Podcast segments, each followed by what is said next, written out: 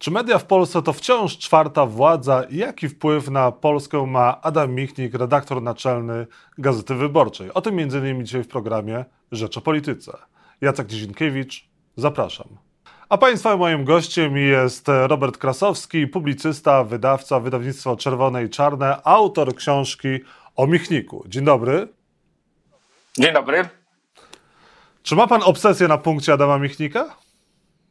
Nie. Na ogół jest tak, że autorzy piszący na temat Michnika albo zajmujący się nim, no właśnie mają albo jakiś kompleks Michnika, albo mniejszą lub większą obsesję.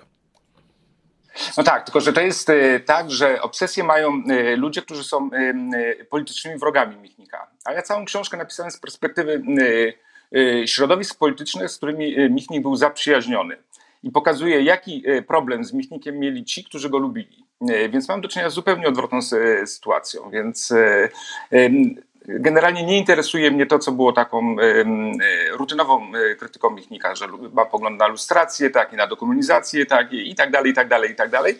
Opisuję go z perspektywy ludzi, którzy mieli podobne e, wyobrażenia jak on na dekomunizację, lustrację, na trzecią RP, no ale nie do końca im e, szła współpraca z Michnikiem i szła im na tyle, że, że czy to był Geremek, czy Mazowiecki, czy Leszek Miller, wszyscy kończyli gigantycznym konfliktem z Adamem Michnikiem, z którym oni nie mogli współpracować. Więc patrzymy tutaj na świat z zupełnie innej strony. To prawda, nie jest to książka e, pokroju Michnikowszczyzny, ani nie jest to też kolejny demiurg.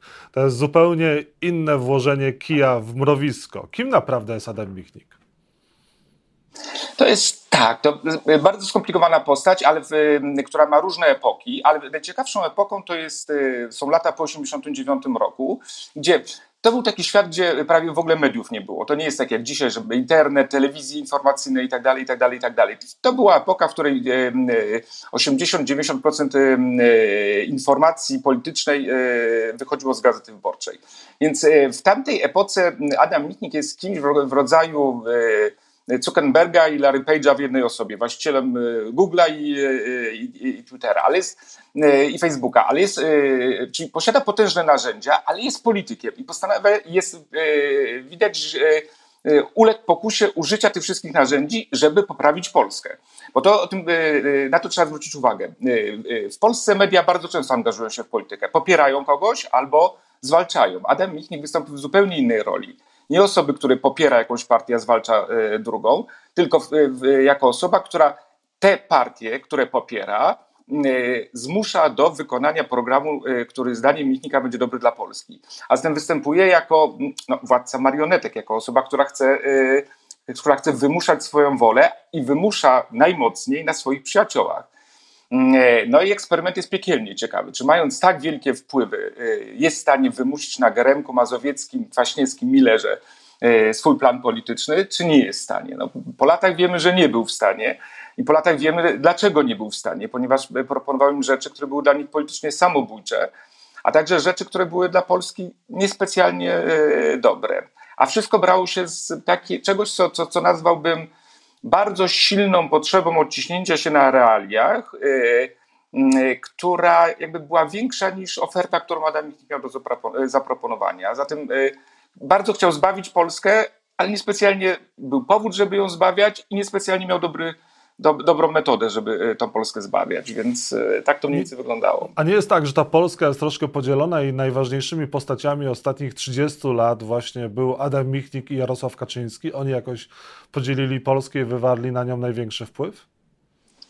No pełna zgoda. No i e, czy, jeżeli się dzisiaj będziemy zastanawiali, czy e, istnieje jakakolwiek sensowność podziału, który w Polsce przeprowadził Jarosław Kaczyński, to musimy powiedzieć żadna no bo prowadził, e, prowadził do e, walki pod sztandarami, które sam wszystkie porzucił. Bez względu od pierwszego e, sztandaru układu i walki o moralność w polityce. Wiem, jak dzisiaj wygląda walka z układem i moralność w polityce po sztandar smoleński. Wszystko wyrzuca do śmieci, bo te wszystkie sztandary były chwilowe i, i udawano. Otóż co do Adama Michnika, on dużo bardziej wierzył w to, co, co, co, co robi, w co robił, sztandary, które wywieszał, ale powiedzmy te sztandary były y, no, dramatycznie nieudane, no bo Adam Michnik w 1989 roku, kiedy zaczyna się demokracja, wychodzi z diagnozą, że drzemią w nas tak potężne demony i on, i on zaczyna to wieścić z, z całym przekonaniem, że za chwilę Polacy, Węgrzy, Litwini, Białorusini, Rumuni, Bułgarzy rzucą się sobie do gardła, że wszyscy zaczniemy ze sobą się bić, w każdym kraju wybuchną wojny domowe, zaczniemy rżnąć mniejszości narodowe i zaczniemy zmieniać granice. W 1997 roku Michnik przyznaje, że może się trochę pomylił faktycznie, ale warto wołać e, na alarm.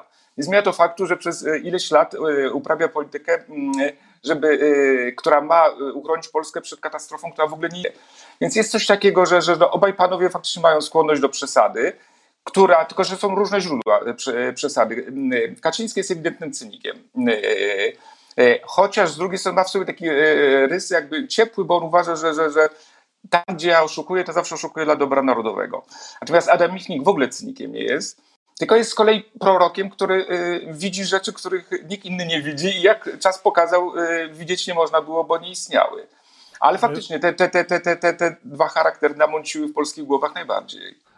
Pan przypomina o czymś, co pewnie większość Polaków albo zapomniała, albo nie wie tego, ale Adam Michnik był skonfliktowany swego czasu i z Tadeuszem Mazowieckim, i z Bronisławem Geremkiem, i z Lechem Wałęsą, e, a nawet z Donaldem Tuskiem, z którym dzisiaj wydaje się jakoś za, zawierać e, sojusz. Z tymi postaciami, o których wspomniałem, później oczywiście Adam Michnik znalazł wspólny język, e, znalazł porozumienie. Pytanie, Jaki wpływ dzisiaj Adam Michnik ma e, na polską politykę, na Donalda Tuska, no i na ile on dzisiaj jest jeszcze tym władcą marionetek?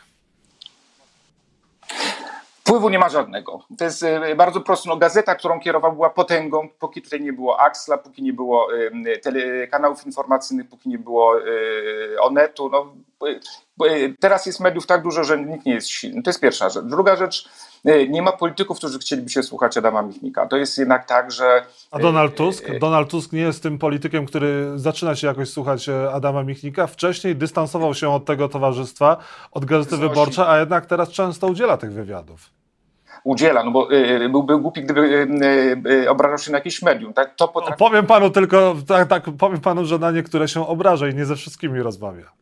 Nie, to nie.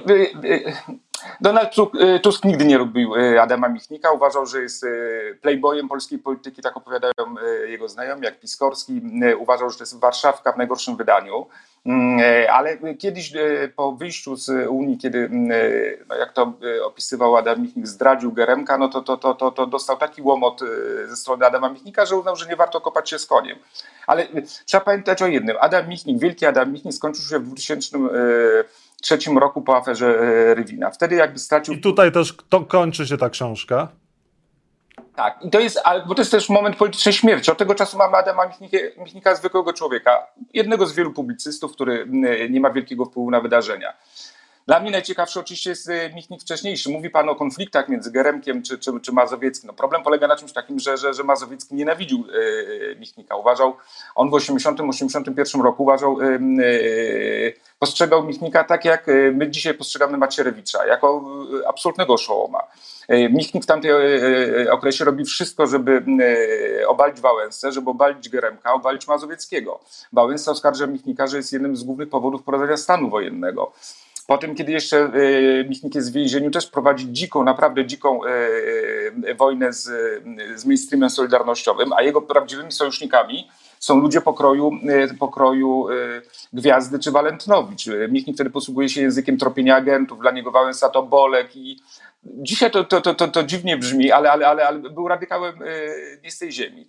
Ale prawdziwe problemy, ciekawe, zaczynają się po 1989 roku, roku kiedy on poczuł się silny dzięki gazecie, bo przed 1989 rokiem y, Michnik ma piękny okres, wspaniały w ogóle, kiedy uczestniczy w grze wokół okrągłego stołu i jest niezwykle skuteczny.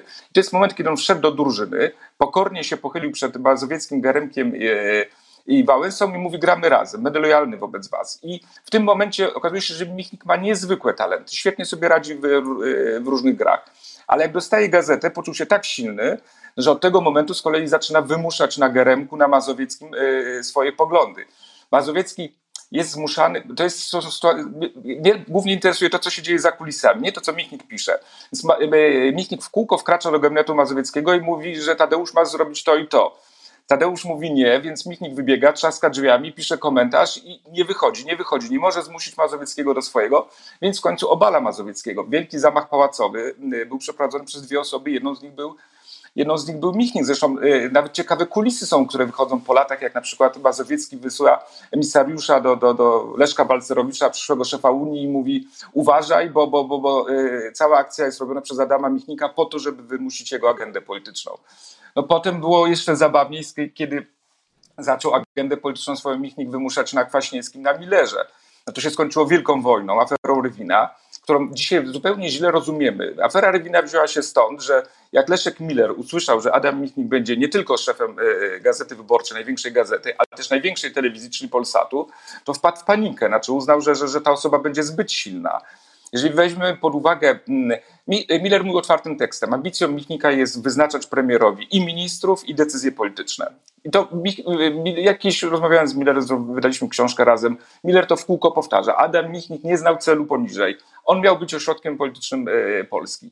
Dwaj najbliżsi przyjaciele z, z tamtej epoki e, Adama Michnika, czy Jerzy Urban i Kwaśniewski przedstawiają tą samą diagnozę. Kwaśniewski mówi, że w tamtym okresie, że e, Michnik zebrał tak dużo wpływu, że jest problemem dla samego siebie. Urban, kiedy dochodzi do, do, do, do, do, do, do ustawy antyogorowej, mówi, że no, stanęli naprzeciwko siebie Miller i Michnik. Miller na pewno przegra, bo premier w Polsce jest słabszy od Adama Michnika. Więc to był taki bardzo dziwny moment. 10 lat, kiedy te instrumenty, które dzisiaj są banalne, no dzisiaj jest mnóstwo gazet, ale e, z braku innych narzędzi Adam Michnik dostał y, złotą różdżkę i próbował nią naprawiać politykę. I ja śledzę to, w jaki sposób naprawiał tą politykę. Nie naprawił, bo miał A, złą diagnozę, a po drugą, nasi politycy, którzy wydają się na co, na co dzień takimi, powiedziałbym, mięczakami, nie są takimi mięczakami. Dla nich wizja tego, że ktoś wbiega im do gabinetu i mówi, masz robić to i to, y, to jest coś, co im nie odpowiada. Więc y, z tego powodu skończyła się y, ta, ta, ta epoka Adama Michnika. Ale nie zmienia to faktu, że mm, to jest yy, yy, niezwykle ciekawa jakby przygoda obserwować osobę, która postanowiła za kulis podyktować politykom z dobrymi intencjami, bo to trzeba podkreślić, intencje Michnika są dobre.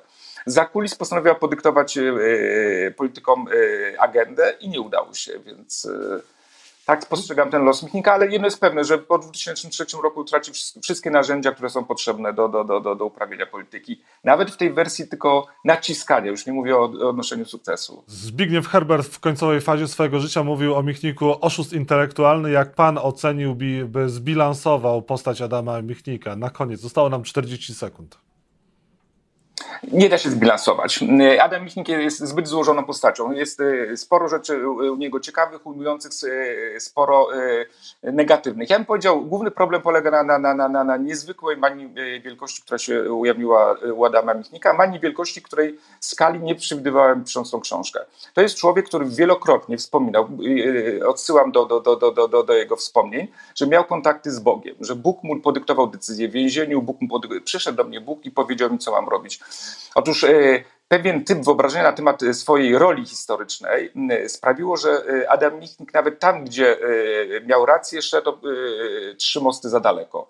Więc ta mania wielkości bardzo wartościową jednostkę wyrzuciła na bardzo niebezpieczne orbity. O tym mogą Państwo przeczytać w książce Roberta Krasowskiego o Michniku. Bardzo dziękuję za rozmowę, a Państwa zapraszam do lektury. Robert Krasowski, Państwa Bardzo dziękuję.